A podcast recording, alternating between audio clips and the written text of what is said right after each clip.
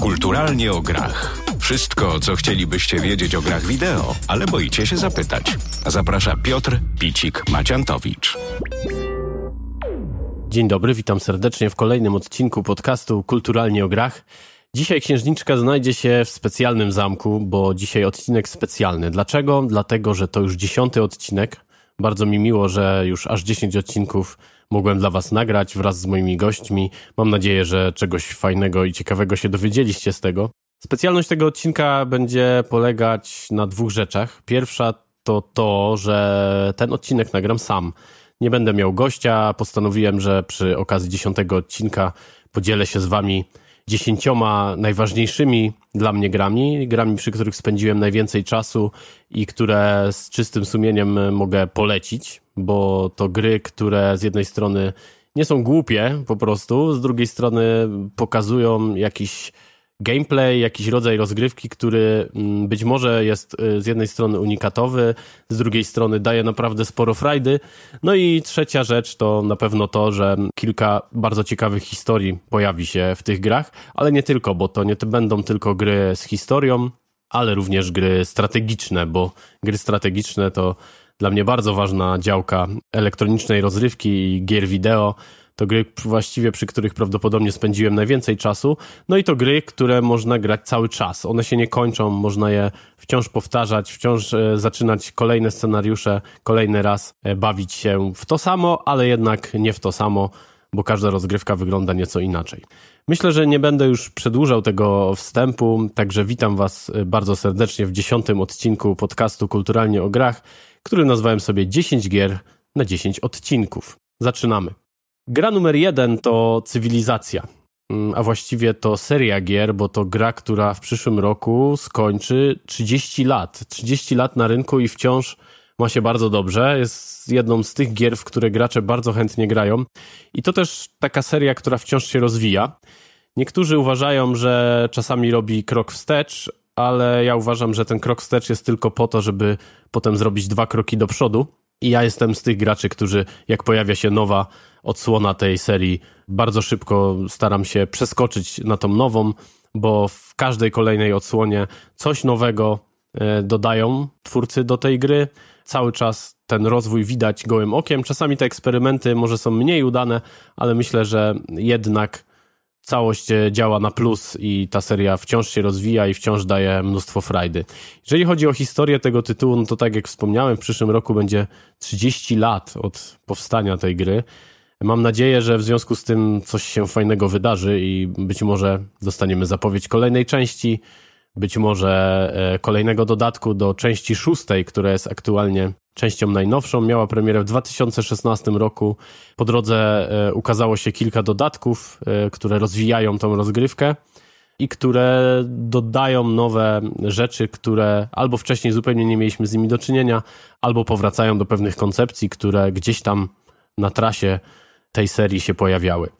Gra Cywilizacja to oczywiście gra strategiczna, która polega na takim modelu gier, które wydaje mi się, że prawdopodobnie nawet mogła stworzyć, a na pewno była jednym z pionierów tego cyklu gier, tego typu gier, czyli 4X. 4X to z angielskiego Explore, Expand, Exploit i Exterminate.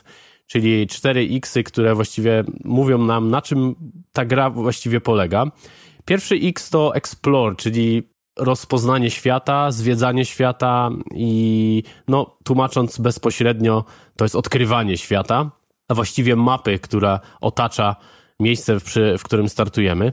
Kolejna rzecz to expand, czyli rozwój, rozwój cywilizacji. Tutaj w, w przypadku tej gry mamy do czynienia z tym rozwojem na kilku różnych płaszczyznach. Z jednej strony to jest rozwój miast, które budujemy i dzięki temu rozwijamy granice naszego państwa.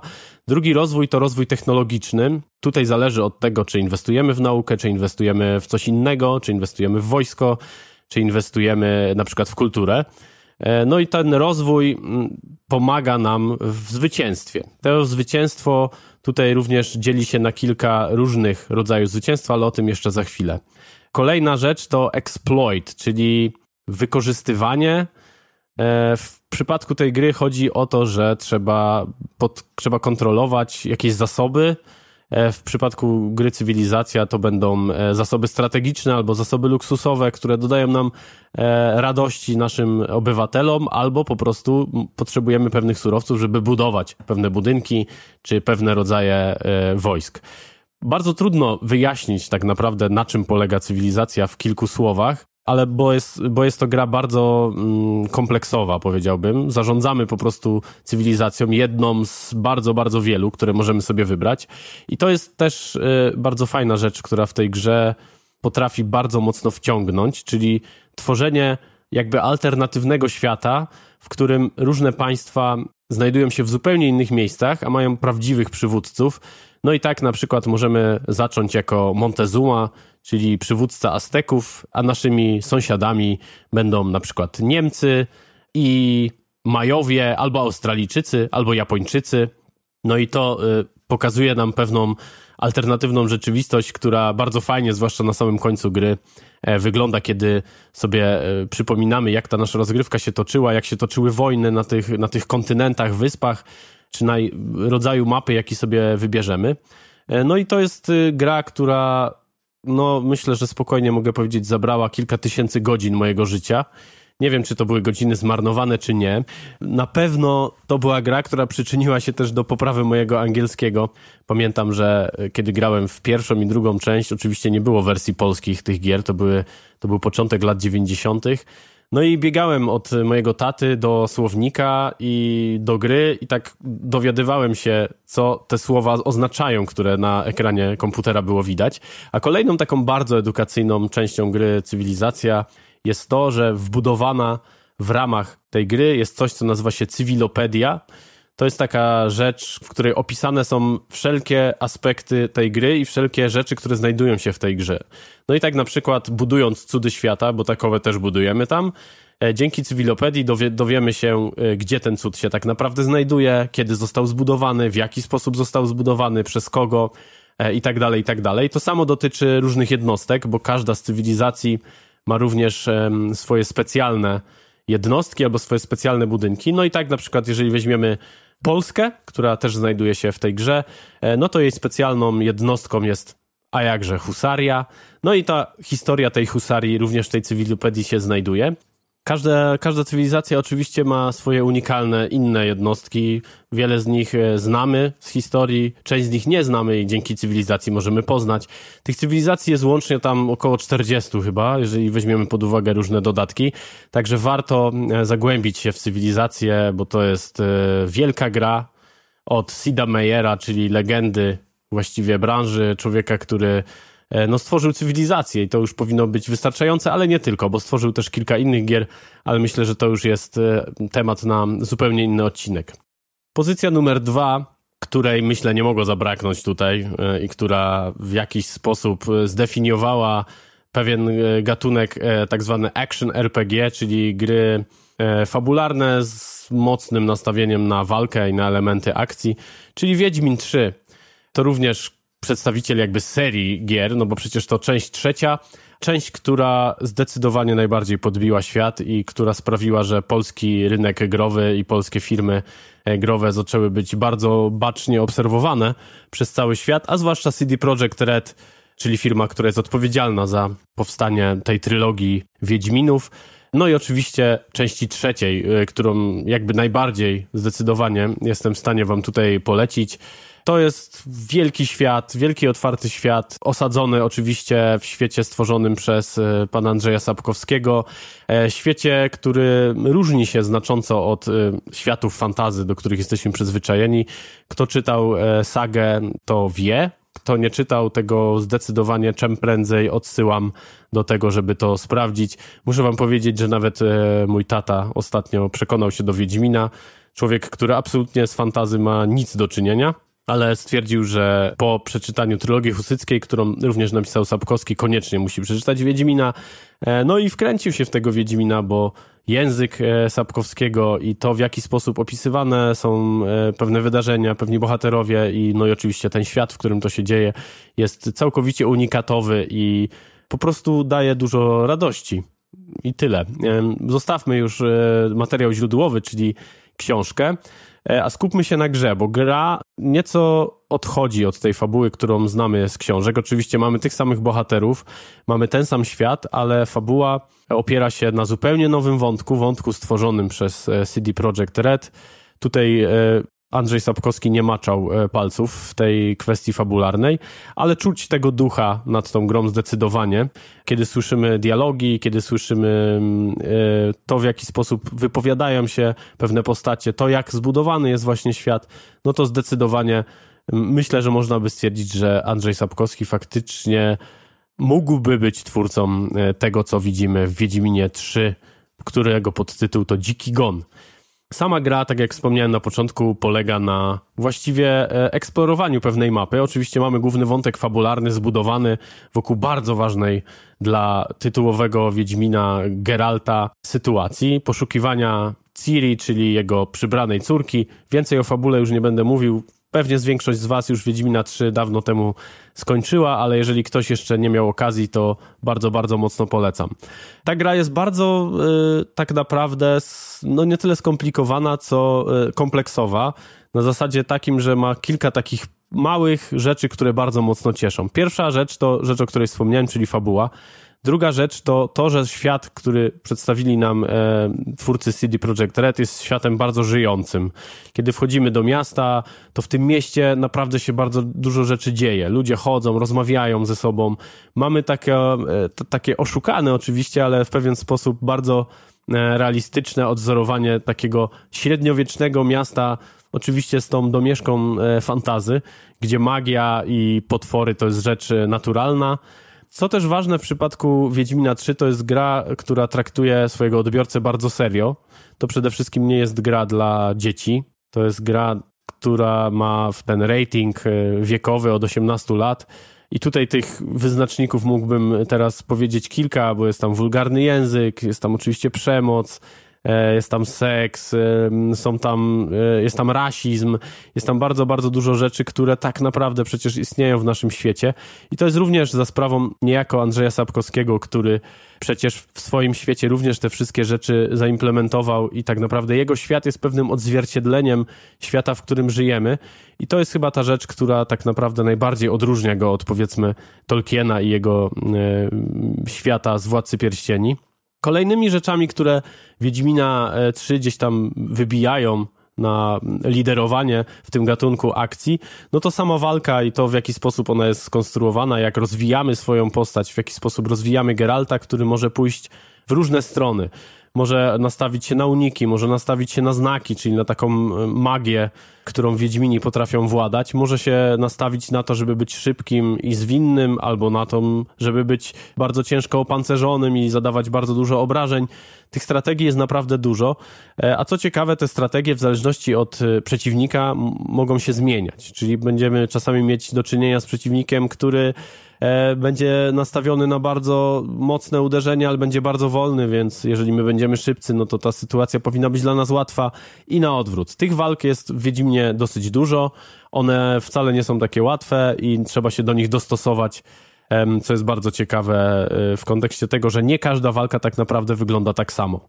Kolejną małą rzeczą, która mogłoby się wydawać, e, została stworzona do Wiedźmina 3, to gra Gwint, czyli wewnętrzna gra karciana, która e, została stworzona specjalnie do Wiedźmina 3, która doczekała się osobnej zupełnie gry pełnowymiarowej, którą możecie pograć choćby na smartfonach albo na komputerach stacjonarnych.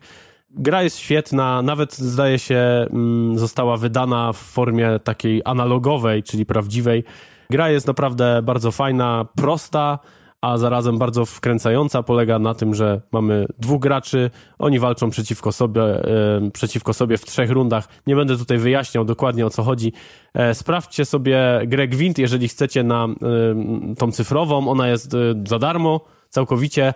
Można w nią grać e, bez, żadnego, bez żadnej opłaty. Także choćby, żeby zobaczyć w jaki sposób Gwint przenikł do swojej jakby gry, która jest zupełnie osobnym bytem niż ten Gwint, który znajduje się w Wiedźminie 3.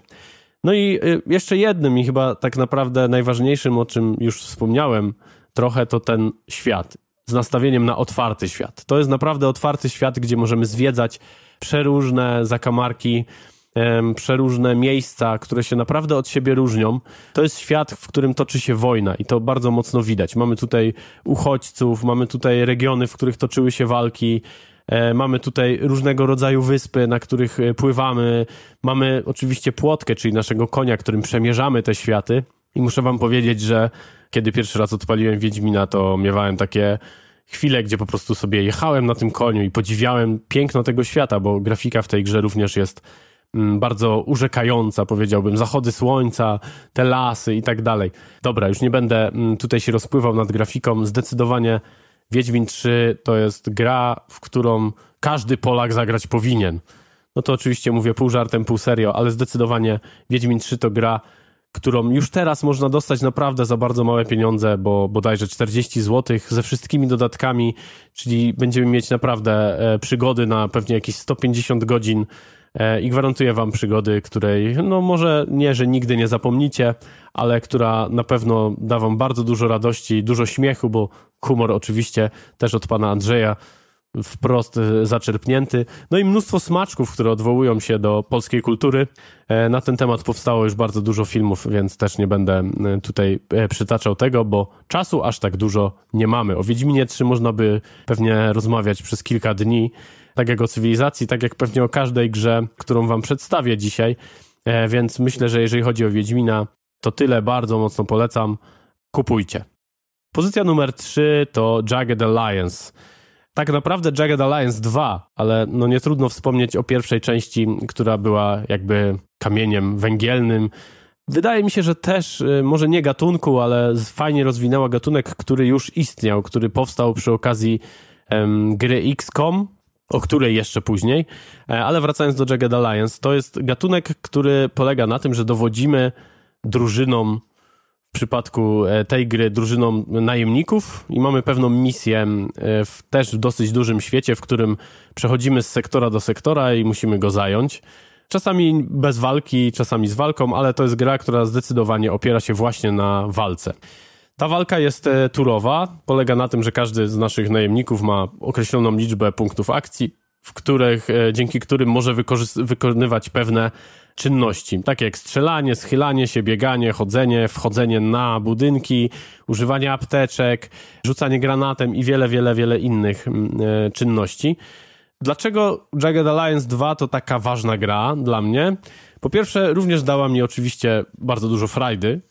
Po drugie, świetny system walki, który y, nie zestarzał się tak naprawdę do dzisiaj i myślę, że z pełną odpowiedzialnością mogę powiedzieć, że jest to najlepszy turowy system walki, jaki powstał kiedykolwiek, w jakiejkolwiek grze. I mówię tutaj również o grach, które powstają teraz i które są bardzo świeże. Po trzecie, Jagged Alliance 2 to gra, która wciąż jest wspierana. Wciąż fani na całym świecie tworzą kolejne modyfikacje, kolejne dodatki, zmieniają wciąż tą grę na lepsze i dzięki temu ta gra tak naprawdę y, no nie, zestarzała, nie zestarzała się jeszcze tak bardzo i wciąż można można w nią grać. Ja od czasu do czasu wracam do niej, mimo tego, że ona ma pewną fabułę, pewną kampanię fabularną, w której musimy wyzwolić w przypadku pierwszej części wyspę Metawira, w przypadku drugiej państwo Arulko z podwładania pewnego e, tyrana, czy też tyranki w części drugiej. E, no ale żeby to zrobić, musimy się przedrzeć przez te sektory pełne wrogów. No i dochodzimy do meritum, czyli do tego, co tak naprawdę chyba jest najfajniejsze w tej grze, a co bardzo mocno odróżnia e, Jagged Alliance od innych tego typu tytułów, czyli osobowości tych najemników. Każda z tych e, postaci, które możemy wynająć za pieniądze, a jakże, bo przecież na tym żywot najemnika polega, jest e, bardzo charakterystyczna. Ma charakterystyczny głos, ma pewne antypatie, pewne, pewnych ludzi lubi, pewnych nie lubi E, ma pewne zachowania, ma pewne fobie e, i tak dalej, i tak dalej. Dzięki temu wydawałoby się bardzo małemu, ale jakże sprytnemu e, zabiegowi te postaci nabierają człowieczeństwa. Nie wiem, czy to, jest, czy to nie jest za mocne słowo, ale naprawdę, kiedy dana postać jest ranna w walce albo nie daj Boże ginie, no to naprawdę my, ja jako gracz czułem, że no kurczę, żal mi trochę, że ta postać nie żyje. No, przyzwyczaiłem się do niej, lubiłem ją nawet, bo zdecydowanie można polubić kilka z tych osób. Część e, zdecydowanie jest trudna do polubienia, ale no nadrabiają swoimi umiejętnościami, bo oczywiście każda z tych postaci ma pewne statystyki, takie jak e, umiejętności medyczne, mechaniczne, celność strzelania, siła, kondycja. Tych statystyk jest tam e, około mm, kilkunastu, no i każda wpływa na, na różne aspekty tej gry. Bardzo ważna jest tutaj też sztuczna inteligencja, czyli to, że te walki naprawdę są wymagające, w przeciwieństwie do nowych tytułów, e, które no, mam wrażenie, że e, gry generalnie idą w stronę tego, że są coraz łatwiejsze. Może i dobrze, ale warto czasami postawić sobie pewne wyzwanie. No i tak Jagged Alliance 2 to zdecydowanie kolejny tytuł, który wydaje mi się jest już teraz w ogóle do pobrania za darmo albo już za naprawdę jakieś śmieszne pieniądze. Niestety, mm, tak jak w przypadku choćby cywilizacji, która wciąż jest rozwijana, czy Wiedźmina 3, który jest grą dosyć świeżą, Jagged Alliance 2, czyli gra z 1999 roku, nie doczekała się godnej, godnego następcy. E, wciąż jest tą najważniejszą i najsilniejszą i najlepszą, jeżeli chodzi o tą odsłonę gier Jagged Alliance. Chociaż tych innych odsłon było kilka, ale właściwie każda okazywała się być porażką i w żaden sposób, no nawet nie, nie stała blisko mm, tej legendarnej dwójki, która, tak jak wspomniałem, na szczęście wciąż jest wspierana przez fanów i wciąż żyje, więc naprawdę warto e, się przyjrzeć temu tytułowi, no i sprawdzić, co tam słychać w Arulko po raz kolejny, no i poznać tych przemiłych albo nieprzemiłych najemników. Kolejna gra, kolejna pozycja, której nie mogło zabraknąć w tym rankingu, czy też w tym zestawieniu pewnych gier, które są bardzo ważne albo dają naprawdę mnóstwo rozrywki, to gra Worms, czyli robale. Robale wtargnęły na rynek gier e, z dużym przytupem. Są pewnym, pewnym remixem e, gry Tanks, czyli gry już bardzo, bardzo starej, w której, która polegała na tym, że e, staliśmy w dwóch miejscach i strzelaliśmy do siebie.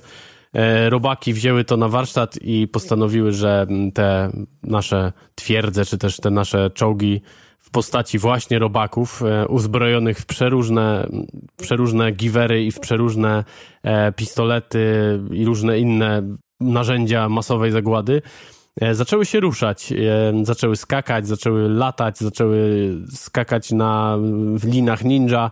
No i dzięki temu e, ta gra naprawdę podbiła świat i żyje do dzisiaj również, bo w 2016 roku wyszła ostatnia odsłona z tego co wiem, czyli Worms WMD.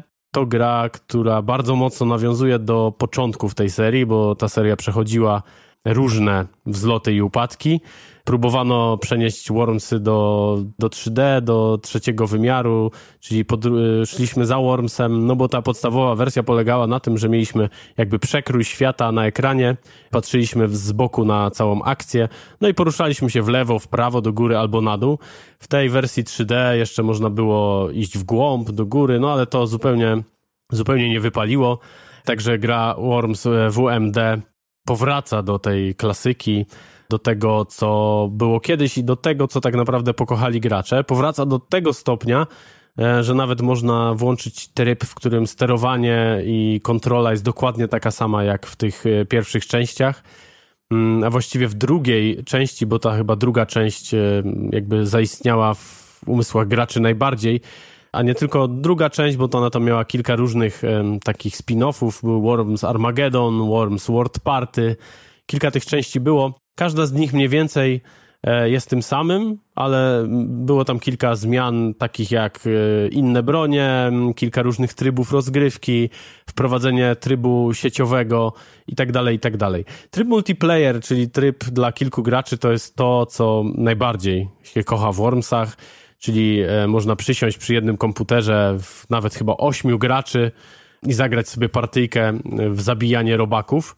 Jakkolwiek to brutalnie i strasznie brzmi, naprawdę to jest gra, która przynosi bardzo, bardzo, bardzo dużo frajdy i która na moich studiach doprowadziła do rozłamów przyjaźni i wielu bardzo dziwnych sytuacji. No oczywiście żartuję, żadnych rozumów przyjaźni nie było, ale no w, byli na siebie źli różni ludzie z powodu przegranej partii w Wormsy.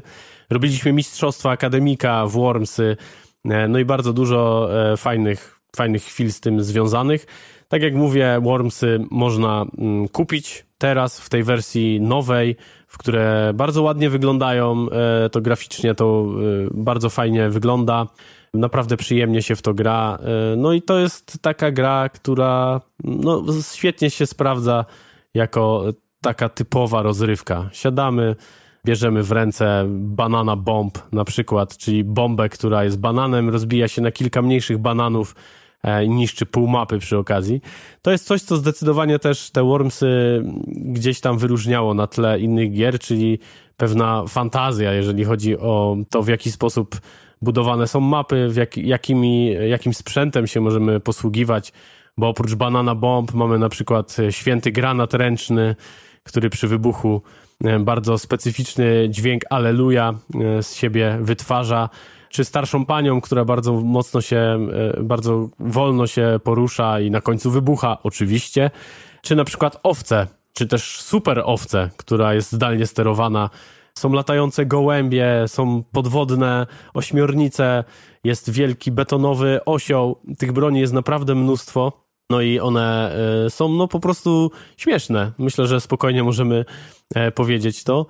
To jest gra, która daje bardzo dużo frajdy i można przy niej spędzić bardzo dużo czasu po prostu się bawiąc. Taki najprostszy, najbardziej e, powiedziałbym e, pierwotny sposób, no bo co może bardziej bawić niż łączy strzelające do siebie z bazuki, czy przy pomocy właśnie tych różnych wymyślnych broni, które gdzieś tam e, twórcy tej gry wymyślili. Mam nadzieję, że Wormsy będą żyły jeszcze długo jako seria, chociaż mam wrażenie, że już za wiele w tej serii zmienić nie można, żeby była jeszcze lepsza.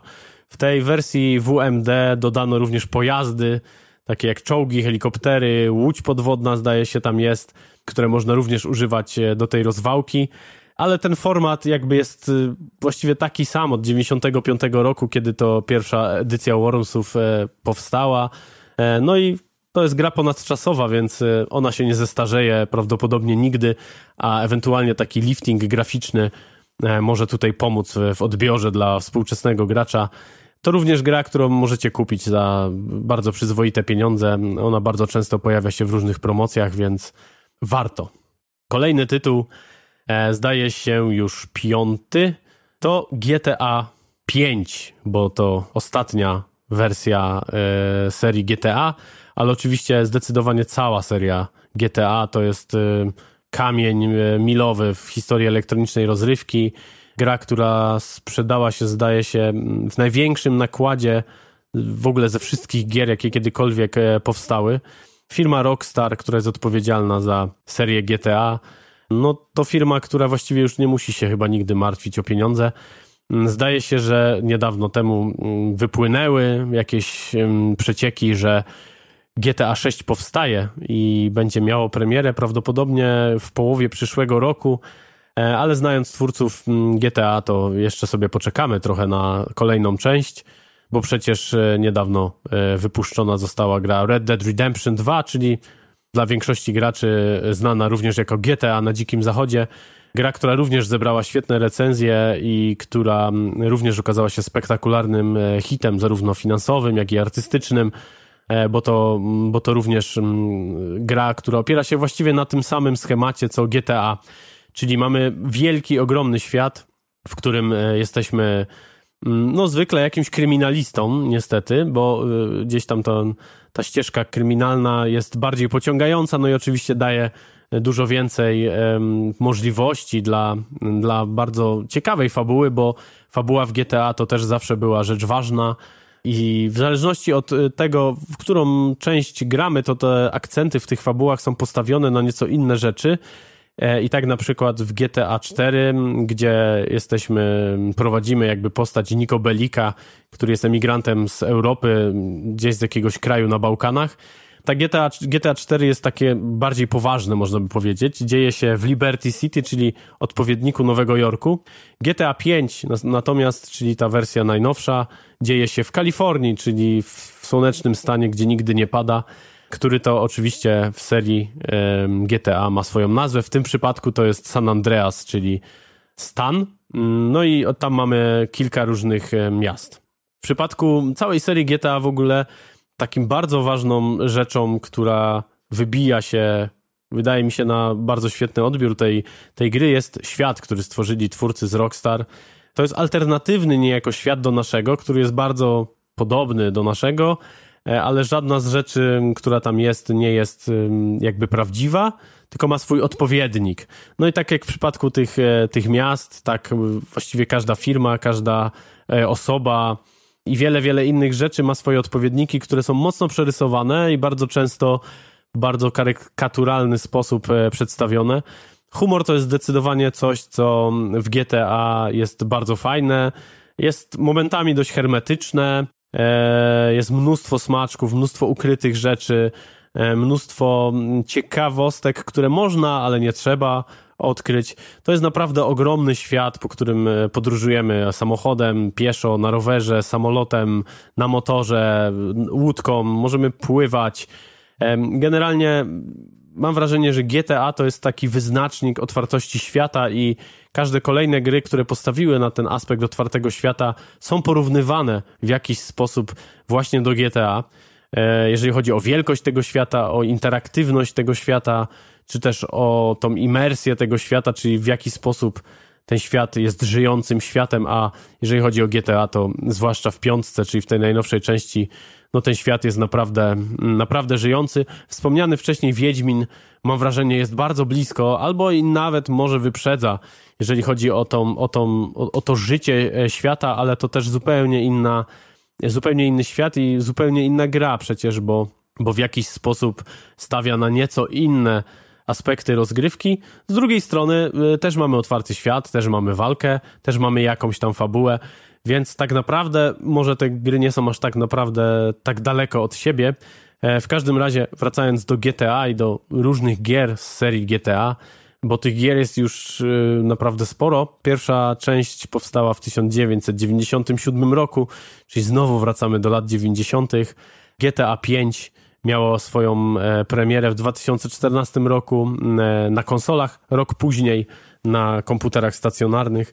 Także już minęło 5 lat od premiery, 6 właściwie, od premiery GTA 5, a ta gra wciąż żyje. W dużej mierze dzięki temu, że jest tam też taki aspekt y, grania online, czyli GTA Online, w które gra naprawdę mnóstwo graczy cały czas no i jest tam co robić, także mm, bardzo mocno polecam tą grę. Jest to oczywiście kolejna gra, która zdecydowanie jest przeznaczona dla graczy dorosłych, bo jeżeli Wiedźmin miał kilka różnych rzeczy, które są nieodpowiednie dla dzieci, to GTA 5 zdecydowanie przoduje w tych rzeczach nieodpowiednich dla dzieci.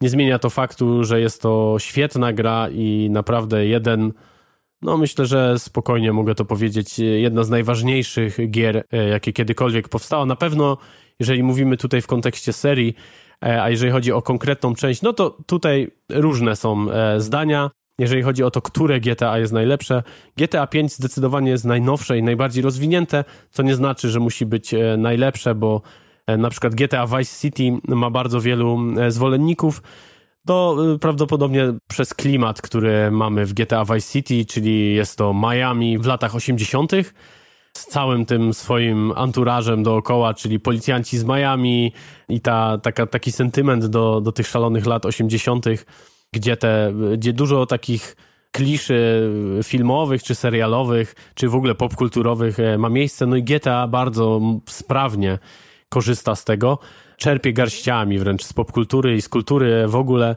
No i to wszystko, cała ta zawartość potem znajduje się w kolejnych częściach tego świetnego tytułu. Nie wspomniałem o tym, cóż oznacza GTA. GTA oznacza Grand Theft Auto, czyli to jest nazwa pewnego przestępstwa w Stanach Zjednoczonych, która polega oczywiście na kradzieży samochodów. No bo ta seria zaczynała od tego, e, że głównie samochody to była taka najważniejsza rzecz i jeżdżenie nimi. Potem to oczywiście ewoluowało do stopnia, do którym jest teraz, czyli do naprawdę potężnej gry, w której właściwie nie można się nudzić. No i na sam koniec, y, jeżeli chodzi o GTA, no to ja wciąż mam tą grę zainstalowaną, nie gram specjalnie w online, ale od czasu do czasu lubię sobie włączyć tą grę i po prostu pojeździć po mieście, bo miasto w GTA to jest zupełnie osobny temat. To są bardzo dobrze zrealizowane, bardzo często dobrze odwzorowane też, bo, one są, bo te miasta opierają się na prawdziwych miastach, więc warto się pobujać po prostu po Nowym Jorku, czy też Los Angeles, czy Miami, czy w, w części, która nazywała się San Andreas. Mieliśmy do czynienia również z San Francisco i Las Vegas. Także GTA to naprawdę jeden z najważniejszych i najbardziej solidnych tytułów, które kiedykolwiek powstały na jakąkolwiek konsolę, czy też komputer stacjonarny, na którym można grać. Także GTA 5 to kolejna pozycja. Następna mm, rzecz, następny tytuł to właściwie kilka tytułów, bo bardzo trudno było mi się zdecydować, która z tych gier jest najważniejsza i najlepsza, e, dlatego wspomnę o kilku. To są gry e, od studia BioWare czy od studia Obsidian e, później, czyli takie gry, które zapoczątkował tytuł Baldur's Gate. Czyli są to klasyczne RPG, klasyczne gry fabularne, opierające się na budowaniu drużyny, rozwijaniu statystyk tej drużyny, budowaniu postaci swojej własnej, czyli gracza, który przeżywa różne przygody w świecie fantazy. Te światy zmieniały się w tych grach, one były różne. E, bardzo dużo z nich oparte było na takim systemie Dungeons and Dragons, czyli systemie papierowych gier RPG, o którym jeszcze pewnie kiedyś w tym podcaście powiemy, ale dzisiaj skupiamy się na grach e, wideo, więc e, tylko takie wspomnienie o tym Dungeons and Dragons.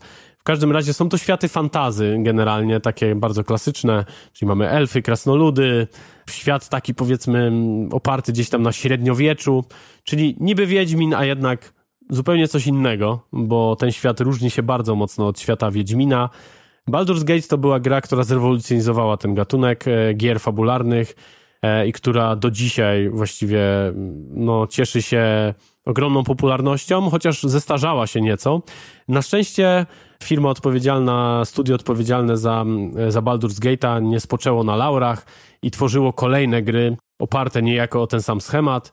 No i dzięki temu choćby rok później po premierze Baldur's Gate'a w 1999 roku powstała gra, która chyba najbardziej się wyróżnia na, jakby na tle innych tego typu gier fabularnych, czyli Planescape Torment, gra, w której gramy bezimiennym, który no, przeżywa swoje przygody i tak naprawdę szuka swojej tożsamości w bardzo dziwnym świecie, w którym e, łączą się różne światy, bo miasto, w którym dzieje się gra Planescape Torment jest takim wrotem, wrot, takimi wrotami wymiarów jakby, gdzie te różne światy się łączą i prze, można się przenosić pomiędzy tymi światami. To była gra, która, to jest gra, która jest oparta również na systemie Dungeons and Dragons, jeżeli chodzi o mechanikę, a jeżeli chodzi o świat, no to zupełnie jest to inny, autorski świat, który miał swoją kontynuację, chociaż nie do końca oficjalną, całkiem niedawno przy okazji gry Torment, ale e, o niej no, tu nie będę za dużo się rozwodził, bo e, chciałbym się skupić na tytule, który jest, wydaje się, takim najbardziej bezpośrednim spadkobiercą e, Baldur's Gate'a, czy pierwszego, czy drugiego, czyli grze, grze Pillars of Eternity, grze, która została fundowana przez e, graczy właściwie przy pomocy Kickstartera, która była ogromnym sukcesem, jeżeli chodzi o część pierwszą, zarówno tym finansowym, jak i jeżeli chodzi o tę tą warstwę artystyczną. Część druga, chociaż moim zdaniem lepsza, niestety już nie sprzedała się tak dobrze i no, zobaczymy, co będzie e, w przyszłości z tą serią. Mam nadzieję, że jeszcze coś się wydarzy w tej kwestii. Nawet nie musi być to kolejna część Pillars of Eternity, ale miejmy nadzieję, że mm, studio odpowiedzialne za te gry e, będzie żyło dalej. Jeżeli chodzi o w ogóle te gry, w jaki sposób gra się w te gry, no to mamy drużynę, którą budujemy w trakcie naszej podróży przez te fantastyczne światy. Ta drużyna również, jak w przypadku Jagged Alliance, składa się z bardzo wyrazistych postaci, które mają swoją nitkę fabularną, które poznajemy w trakcie tej rozgrywki. Pojawiają się tam wątki miłosne, wątki nienawiści, czasami jakieś morderstwa i tak dalej, i tak dalej. Tutaj zdecydowanie aspekt postawiony jest na tą część fabularną, czyli na odkrywanie historii, która bardzo często zaczyna się od jakiegoś małego wstrząsu, a potem jak u Hitchcocka dzieje się tylko coraz więcej. E, oczywiście to są również gry, które, przy których spędzamy bardzo dużo czasu, bo oprócz tego wątku głównego który jakby niezbędny jest, żeby tą grę ukończyć. Mamy mnóstwo takich pobocznych aspektów, pobocznych małych questów, które możemy, ale niekoniecznie musimy spróbować rozwiązać. W każdym razie, e, czy Baldur's Gate, czy Pillars of Eternity, czy Planescape Torment, czy Icewind Dale, czy Neverwinter Nights, tych gier jest naprawdę sporo, które opierają się mniej więcej na tym samym schemacie, które powstały gdzieś tam w, przy okazji pracy tych samych studiów albo tych ludzi, e, ludzi, którzy gdzieś tam podróżowali pomiędzy studiami a studiami. Na sam koniec w przypadku tego tytułu, no trzeba wspomnieć o tym, że powstaje nowy Baldur's Gate, który no jeszcze premiery nie ma, daty premiery jeszcze nie została ogłoszona, ale możecie już zobaczyć w internecie, jak ta gra będzie wyglądać. Za jej, za jej tworzenie odpowiedzialne jest Larian Studio, czyli um, studio, które stoi za sukcesem takiej gry jak Original Sin 2. Oczywiście Original Sin 1 też, ale Original Sin 2 to rzecz, która też, jeżeli chodzi o, ten, o tą działkę y, gier fabularnych, no mocno zawojowała rynek, także y, ściskam kciuki za Baldur's Gate'a nowego i czekam y, z zapartym tchem. Ten ranking nie byłby kompletny bez gry, która jest na prawdziwą legendą, jeżeli chodzi o elektroniczną rozgrywkę, czyli o serii po raz kolejny Half-Life. Half-Life to seria, która wyszła spod skrzydeł studia Valve i jeżeli chodzi o drugą część tej gry, czyli Half-Life 2, no to jest taki niedościgniony ideał, jeżeli chodzi o gry strzelanki pierwszoosobowe, czyli takie, w których patrzymy z oczu bohatera. E, no i chodzimy w przypadku Half-Life'a po mm, pewnym mieście, no i poznajemy historię e, naszego głównego bohatera i sytuacji, która ma miejsce w przypadku mm, e, tej gry, czyli najazdu obcych z innej planety, z innego wymiaru właściwie, którzy zawładnęli e, światem. W przypadku pierwszej części poznajemy historię, w jaki sposób do tego doszło, że ten świat jest opanowany przez te stwory z innego wymiaru. W przypadku drugiej części, no już e, idziemy o krok dalej, no i poznajemy kontynuację tej historii, która jest świetna i bardzo mocno polecam e, ją sprawdzić, nie tylko ze względu na tą historię, bo sam sposób grania, sam gameplay jest również takim niedoścignionym, wydawałoby się, wzorem e, do dzisiaj. I też być może w związku z tym cały czas czekamy na trzecią część, która e, no, może kiedyś powstanie. E, jest mnóstwo żartów na ten temat w świadku growym że Half-Life 3 jest już potwierdzony, bo trzy koty przebiegły na przykład przez drogę, e, albo pojawiły się trzy ptaki na niebie, no to na pewno Half-Life 3 w końcu e, powstanie. E, niedawno powstała gra Half-Life Alyx, czyli rzecz na VR, o której mówiliśmy właśnie w odcinku o VR-ze, także już wiele o tym nie będę mówił. Wracając do Half-Life'a, a właściwie do Half-Life'a 2, bo to jest ta gra, którą mm, najbardziej mogę polecić.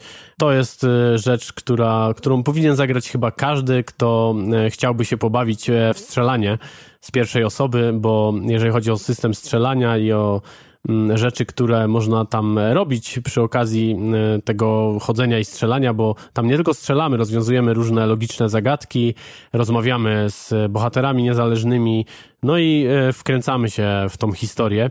Właściwie tak opowiadając o tej grze, to za bardzo nie wiem, co można by więcej powiedzieć, bo mm, bo to gra, która, w którą po prostu trzeba zagrać i poznać ten świat, poznać Gordona Freemana, czyli głównego bohatera, poznać jego e, towarzyszy podróży.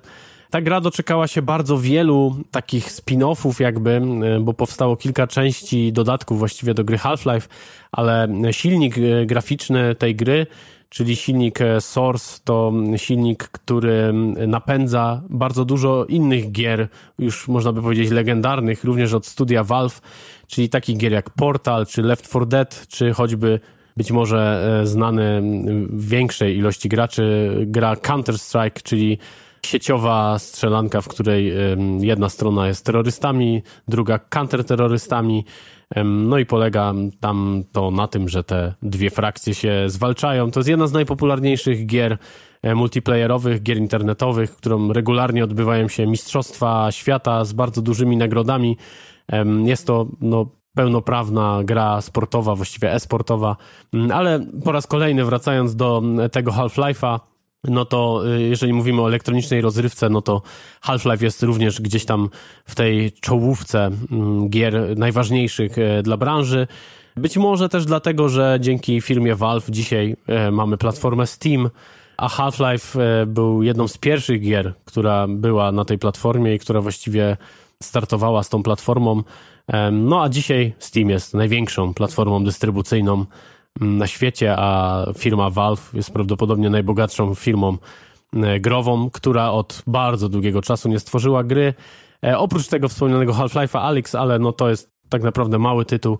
Wciąż czekamy na Half-Life'a 3, jedną z najbardziej docenionych gier. Miejmy nadzieję w przyszłości, chociaż ta poprzeczka jest postawiona bardzo wysoko. E, no i być może to jest powód, dla którego Half-Life'a 3 jeszcze nie ma, bo twórcy boją się, że nie sprostają temu ogromnemu fanbase'owi, tym ogromnej rzeszy fanów, które czeka i się nie może doczekać. Half-Life 2 e, to kolejna pozycja, którą na pewno trzeba sprawdzić i no nie, myślę, że nie możecie się uznać za graczy, jeżeli nie graliście Half-Life'a 2. E, no i oczywiście Half-Life'a 1, no bo to była gra, która zapoczątkowała tą całą serię. Kolejna gra, bo nie było tutaj jeszcze żadnej gry sportowej. Długo zastanawiałem się nad tym, jaką grę sportową e, wrzucić do tego rankingu, bo przecież gry sportowe to też dosyć ważna działka, jeżeli chodzi o gry w ogóle, przynajmniej bardzo popularna. No i tak myślałem nad tym, czy to będzie NBA, czy to może będzie Pro Evolution Soccer, ale ostatecznie e, jednak wygrywa tutaj Tony Hawk Pro Skater, czyli gra o deskorolce, gra, która przeżywała swój największy boom również w latach 90., a właściwie chyba w początku lat 2000. Tutaj również trzeba by powiedzieć o serii gier, bo to nie tylko jedna gra. Tych części było również bardzo dużo, e, ale tak naprawdę właściwie do części czwartej te gry trzymały jakiś poziom, potem już to było takie trochę odcinanie kuponów. No ale no, nie zapomnę nigdy e, Tonego Hołka dwójki czy trójki, w którą no, grałem mnóstwo czasu jeszcze na klawiaturze, a przecież to gra typowo pod pada, a nie pod klawiaturę, ale no mnóstwo godzin przegranych, e, mnóstwo zajawki na deskorolkę. To była taka gra z gatunku, że najpierw się siedziało w domu, trochę się pograło w Tonego Hołka, potem się brało deskorolkę, e, no i się próbowało robić te wszystkie rzeczy, które gdzieś tam wychodziły na, na ekranie, no mało z nich wychodziło w realu, ale y, no to była ciekawa sprawa, że to budowało mm, taką zajawkę na prawdziwą rzecz i bardzo dużo ludzi wtedy jeździło na deskorolkach dzięki grze Tony Hawk Pro Skater właśnie, mam wrażenie. E, no i jeszcze jedną rzeczą bardzo ważną, jeżeli chodzi o Tonego Hawka, jest soundtrack, czyli ileś tam utworów, które znalazło się na ścieżce dźwiękowej mm, tej gry. No to są utwory, które y, na zawsze zostaną w mojej pamięci i pewnie milionów graczy na świecie. Jeżeli chodzi o to, jak w przypadku większości gier, o których mówiłem, czyli kiedyś gra e, powstała, a teraz ma jakąś reedycję albo e, nową wersję, no to długo czekaliśmy na to, ale w końcu w tym roku pojawi się właśnie reedycja, nie kolejna część, nie nowa część, tylko reedycja Tonego Hawka 1 i 2, zdaje się, czyli tych najważniejszych tytułów, jeżeli chodzi o tą serię. E, dostaniemy nową grafikę, ale tych samych skaterów, e, te same ruchy, no, czekamy mocno na to. Zobaczymy, czy ten eksperyment się uda. E, minęło od premiery pierwszej części Tonego Hawka 20 lat, 21 lat nawet, więc e, no, czekamy bardzo mocno, zobaczymy. Zdecydowanie polecam przesiąść się na wirtualną deskorolkę i poszaleć w skateparkach czy na różnych innych dziwnych mapach, które twórcy nam zaserwowali przy okazji gry Tony Hawk Pro Skater. To na pewno e, jest chyba najważniejsza gra sportowa, jeżeli chodzi o mnie. Oczywiście grywałem w inne, ale Tony Hawk zawsze pozostanie w moim sercu, e, bo to też związane z kulturą e, hip-hopu, z kulturą, która jest czymś więcej niż tylko jeżdżenie na deskorolce, czy malowaniem graffiti, czy robieniem muzyki czy tańczeniem e, breakdance'u, a Tony Hawk Pro Skater to jeden z tych elementów. Oczywiście no, w świecie wirtualnym, no ale każdy e, robi to, co umie e, i to, co może, bo przecież nie każdy jeździ na prawdziwej deskorolce, a Tony Hawk daje nam namiastkę naprawdę świetnej, świetnej rozgrywki i świetnego feelingu tego, co można wyczyniać na deskorolce i jak bardzo deskorolka może być fajną rzeczą. Powoli zbliżamy się do końca. Zostały nam dwa tytuły, żeby zakończyć ten ranking tych dziesięciu gier na dziesiąty odcinek. Chciałoby się powiedzieć dziesięciolecie, ale jeszcze długo do tego. Miejmy nadzieję, że dotrwam tak długo. E, wracając do, e, do gier, no to zostały nam dwa tytuły RPG. Jeden z tych tytułów to takie znowu action RPG, czyli rzecz, która opiera się bardziej na e, walce, a właściwie chyba tylko na walce, bo fabuła jest tak naprawdę mm, może nie nieistotna, ale gdzieś całkowicie na drugim tle. To gra, która reprezentuje tryb, właściwie gatunek gier, które nazywane, nazywane są hack and slash. No, czyli jak sobie przetłumaczycie, no to wszystko jest jasne, można by powiedzieć. Chodzi oczywiście o Diablo. Diablo 2, znowu, właściwie ta druga część tutaj jest tą częścią, którą najmilej wspominam. Oczywiście gra Diablo 1 to też był bardzo, ważna, bardzo ważny tytuł w moim, w moim życiu, ale Diablo 2 to zdecydowanie była powiew świeżości i rzecz, na którą bardzo mocno wszyscy czekali po premierze części pierwszej. I gra, która przez długie, mm, długi czas wciąż była ogrywana i chyba jest nadal ogrywana, nadal ludzie grają w Diablo 2, a to tytuł, który miał premierę w 2000 roku, czyli 20 lat temu. To jest naprawdę dużo czasu i mam, na, mam wrażenie, że e, Diablo no, nie zestarzało się aż tak bardzo. Rozgrywka polega mniej więcej na tym, że wybieramy sobie na początku klasę mm, naszego herosa, naszego bohatera, tych klas jest stosunkowo mało, bo jest chyba ich pięć czy sześć. Każda z tych klas y, opiera się na zupełnie innym trybie, na zupełnie innym sposobie grania. Skupiamy się na innych rzeczach. E, na przykład mamy barbarzyńcę, który, y, no, jak sama nazwa wskazuje, mm, gdzieś tam będzie wsiekał toporami, młotami i, i generalnie bronią e, białą. No i będzie używał takiej raczej siły fizycznej, ale mamy też czarodziejkę, która używa czarów, mamy nekromantę, który potrafi wskrzeszać e, zwłoki, które są jego towarzyszami i walczą jakby za niego. E, mamy również e, paladyna, który opiera się na różnego rodzaju aurach. Jest też druid, który kontroluje siły natury, potrafi się przemienić w jakiegoś łaka, tak zwanego, czyli zwierzę-łaka, nie wiem, wilkołaka, niedźwiedzia, tam chyba jeszcze jest kilka innych różnych właśnie zwierzy, zwierzy, w które może się druid zamienić. No i to jest taka gra, w którą można było grać właściwie bez końca. Kiedy wchodziliśmy do trybu e, multiplayer, no to jeszcze można było powalczyć z, z innymi graczami. E, jeżeli chodzi o taką ciekawostkę, jaki bardzo Diablo miało wpływ na e, kulturę graczy, no to zdarzało się tak, że były śluby w grze, takie prawdziwe śluby które potem e, również miały miejsce w, w realu. No to jest jeden z takich aspektów. Gra Diablo naprawdę e, również miała ogromny impact na świat e, rozrywki. No jest takim właściwie najważniejszym przedstawicielem nurtu hack and slash. Trzecia część tej gry mniej więcej po drodze gdzieś tam wyszła w 2012 roku zdaje się. Ja nie grałem za dużo w Diablo 3. Diablo 2 to jest dla mnie ten, ten magnum opus e, studia Blizzard, które jest odpowiedzialne za tą część, ale wielkimi krokami zbliża się czwarta część gry Diablo. Mm, już możecie zobaczyć w internecie, jak ta gra wygląda, jak się prezentuje, bo są pewne gameplaye już udostępnione. Podejrzewam, że premiera jeszcze przed nami i to jeszcze poczekamy sobie pewnie z dwa lata e, na to, ale czekam, nie ukrywam, że czekam, chociaż nie są to już gry, w które gram dużo, takie, które polegają na takiej rozwałce i na kompletowaniu swojego ekwipunku, bo to też bardzo ważna rzecz, jeżeli chodzi o Diablo, o kompletowanie sprzętu, upgrade'owanie tego sprzętu, jakiegoś takiego, takiej e, kompilacji pewnych elementów sprzętu, żeby pasowały do sposobu, w jaki gramy. Także tutaj ta gra dawała dużo, duże pole do popisu, no i dzięki temu tak naprawdę każdy gracz grał trochę w inny sposób.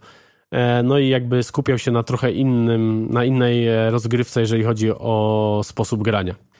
Także Diablo 4 wielkimi krokami nadchodzi.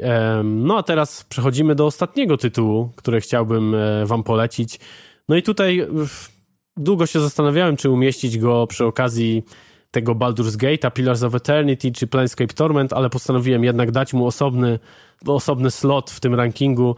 Chodzi tutaj o gry z serii Fallout, a właściwie pierwszą i drugą część najbardziej. Mm, bo potem seria przeszła w, inne, inne, w ręce innego studia. E, no i zupełnie zmienił się charakter tej, charakter tej gry. Przede wszystkim zrezygnowano z izometrycznego rzutu. Czyli takiego, gdzie patrzymy na, na naszych bohaterów e, z góry, jakby pod pewnym kątem. W grze Fallout 3 już ten sposób patrzenia mamy podobnie jak w Half-Life, czyli patrzymy z perspektywy e, głównego bohatera e, gry. Tutaj oczywiście znowu główny nacisk jest nastawiony na fabułę, ale to, co najbardziej chyba przyciągało do gier serii Fallout, to świat, po raz kolejny świat, czyli mm, postnuklearny świat właściwie, bo Fallout to gra, która dzieje się właśnie w takim postapokaliptycznym świecie po wielu wybuchach atomowych, gdzie właściwie większość świata jest pustynią, e, no i przemierzamy tę pustynię w poszukiwaniu, no i tutaj już bez spoilerów, różnych rzeczy, tak powiem dyplomatycznie, bo w zależności od części mm, szukamy innych rzeczy, które mają albo wpłynąć na losy całego świata, albo wpłynąć na losy naszego bohatera. Także mm, no, ten świat postnuklearny, postapokaliptyczny mm, stał się niejako wyznacznikiem, jeżeli chodzi o gry osadzone w tego typu światach. Oczywiście on czerpie garściami z takich filmów jak e, Mad Max na przykład, czy generalnie z literatury takiej postapokaliptycznej, ale jeżeli chodzi o środowisko graczy, no to ten Fallout ustanowił pewne reguły, które, których właściwie bardzo y, wielu twórców współczesnych nadal, mm, nadal się trzyma.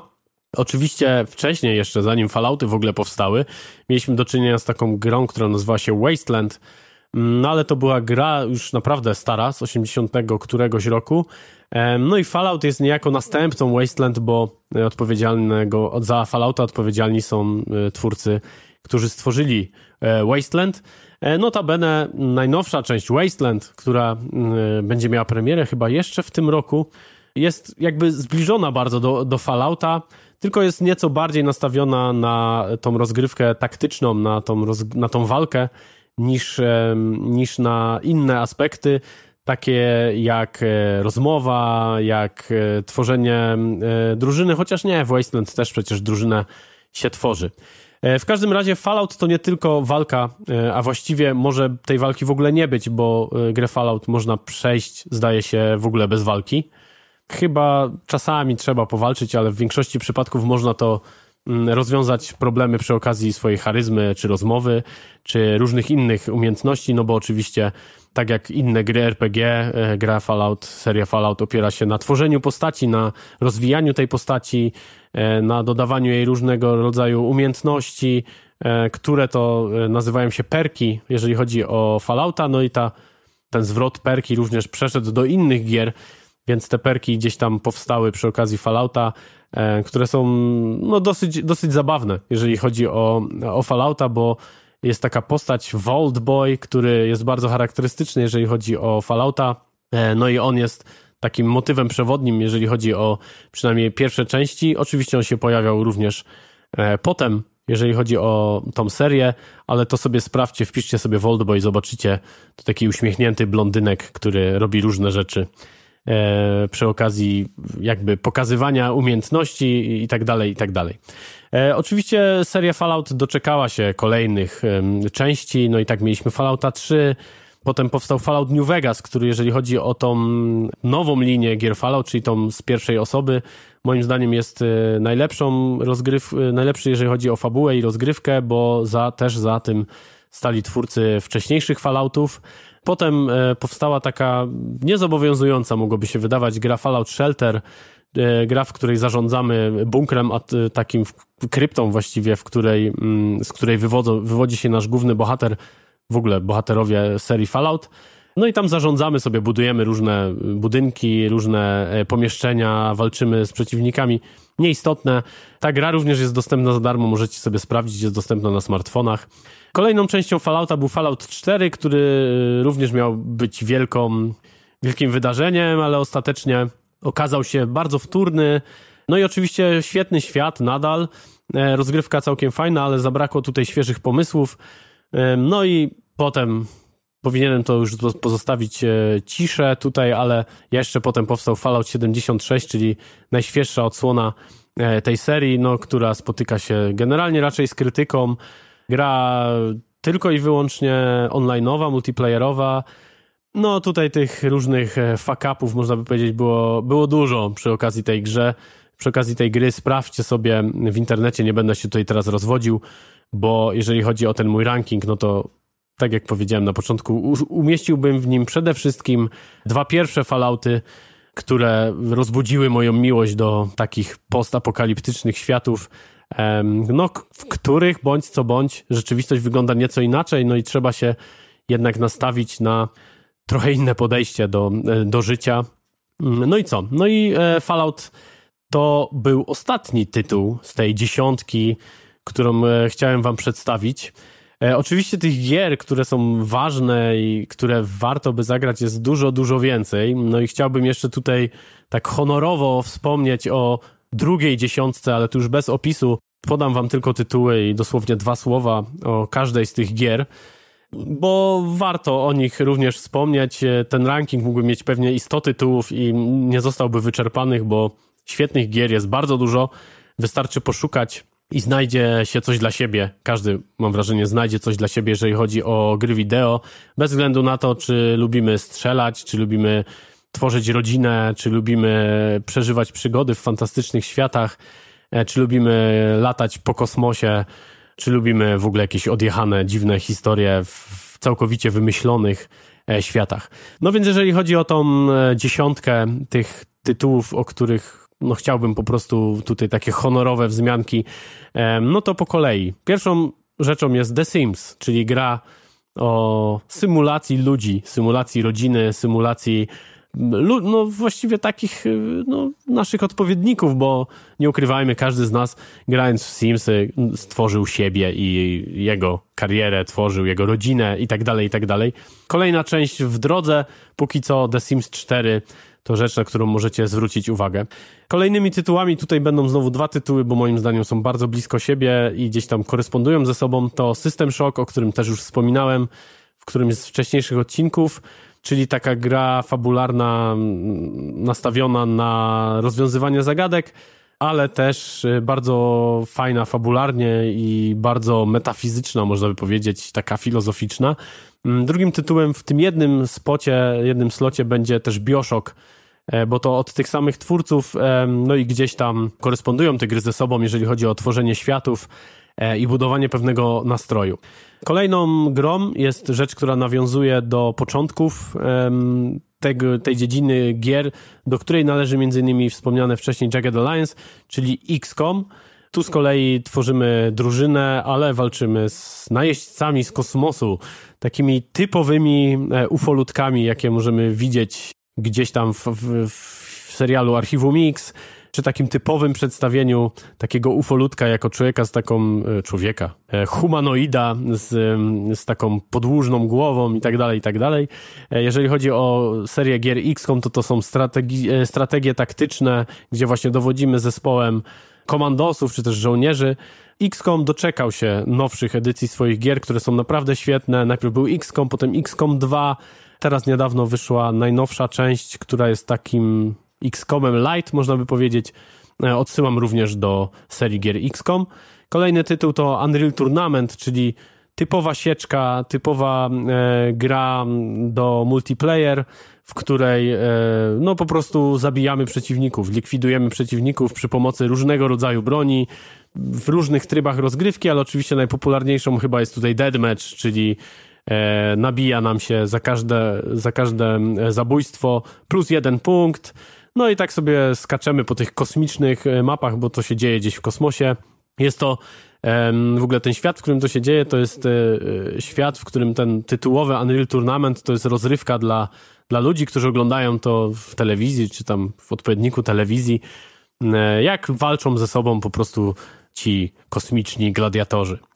Kolejną pozycją będzie Final Fantasy VII, czyli również gra legendarna, gra, która właśnie doczekała się reedycji, właściwie bardzo mocnej reedycji, bo tam zmienia się dosyć dużo.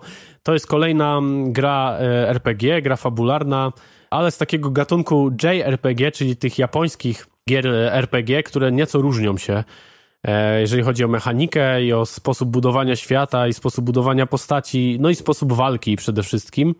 E, no Final Fantasy to jest epicka przygoda, w takim fantaz, świecie fantazy pomieszanym jednak z, z, ze współczesnością. No, trudno to opisać, trzeba to po prostu sprawdzić. Gra jest dość stara, ale tak jak powiedziałem, właśnie wyszła reedycja gry Final Fantasy VII, także odsyłam e, do niej.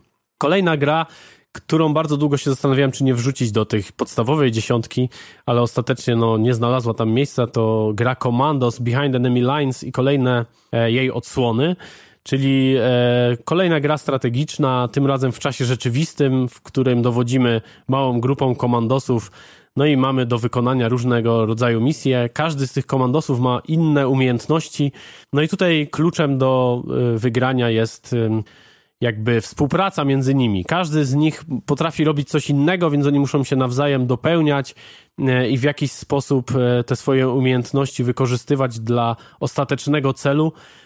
No tutaj liczył się refleks, liczyło się planowanie też bardzo mocno, bo pewne akcje można było zaplanować wcześniej. Ta gra również była takim twórcą pewnego gatunku gier.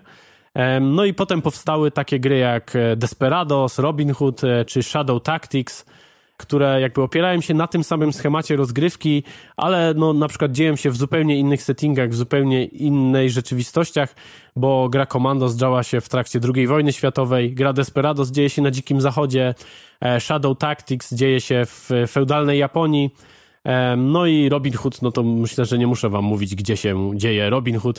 W każdym razie to również gry, właściwie wszystkie z nich, które, no, które są bardzo fajne e, i dosyć wymagające ale również bardzo satysfakcjonujące, bo kiedy jakaś tam mm, akcja nam się bardzo fajnie uda, e, no to jest taka satysfakcja.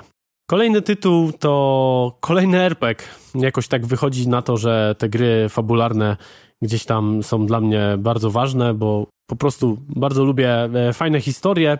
E, no i światy, nie mogło zabraknąć tu świata Gwiezdnych Wojen. Kolejna gra to Star Wars Knights of the Old Republic i tutaj znowu mamy dwie części.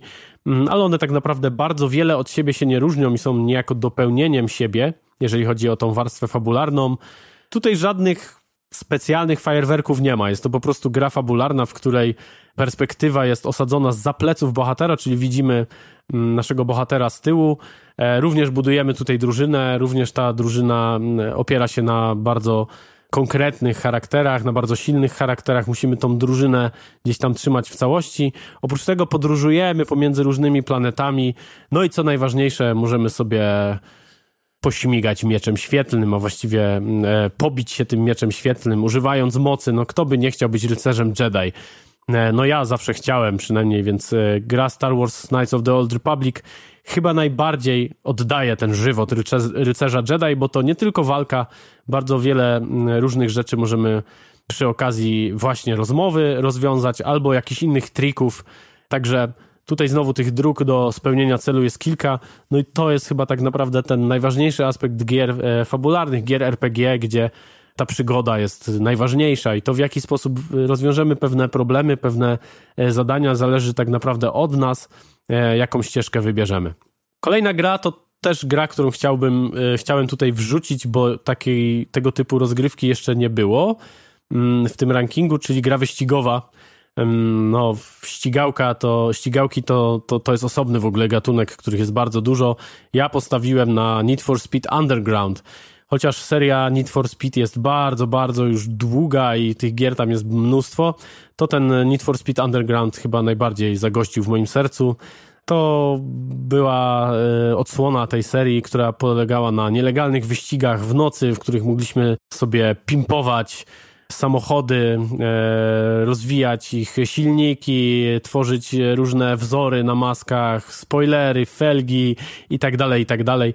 No, bardzo fajna sprawa. E, ta gra doczekała się też kilku kolejnych części, także teraz tu już nie, nie pomnę, która była najlepsza, bo był Need for Speed Underground, Most Wanted. Teraz zdaje się całkiem niedawno wyszła całkiem nowa odsłona, która też w tych klimatach tych podziemnych wyścigów mm, e, jest. No i zostały nam dwie gry gra kosmiczna, Faster Than Lightning, czyli gra, która opiera się na generowanym świecie, w którym lecimy statkiem kosmicznym. E, mamy tam również e, załogę, którą musimy rozdzielać pomiędzy różne funkcje.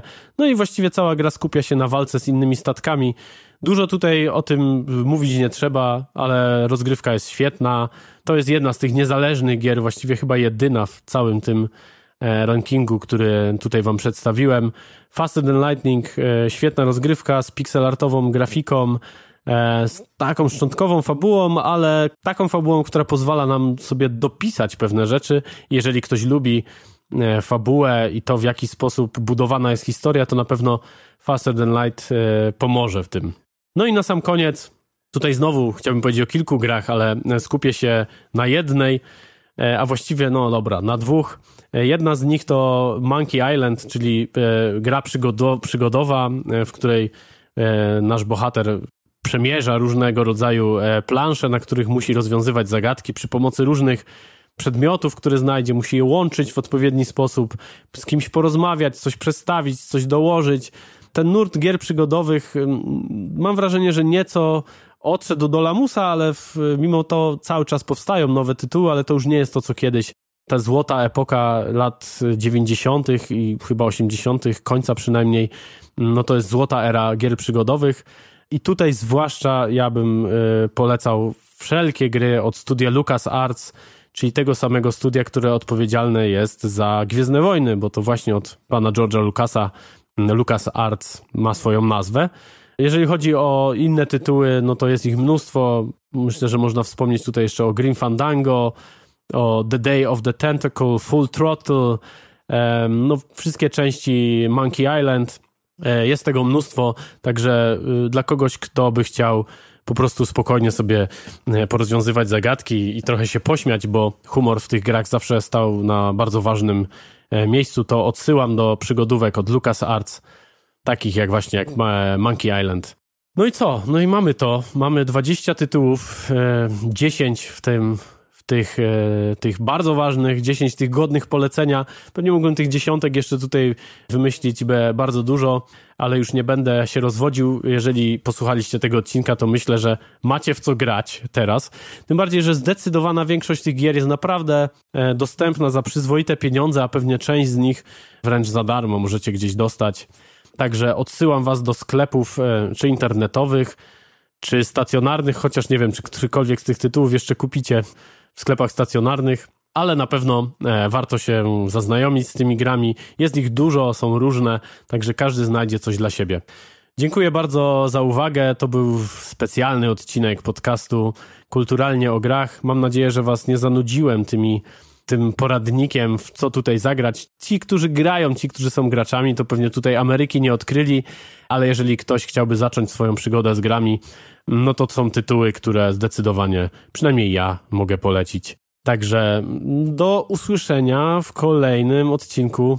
Pamiętajcie, księżniczka znajduje się w innym zamku. E, za tydzień dowiemy się w jakim. Także do usłyszenia. Pozdrawiam. Cześć. To był podcast Estrady Poznańskiej Kulturalnie o grach. Więcej na estrada.poznan.pl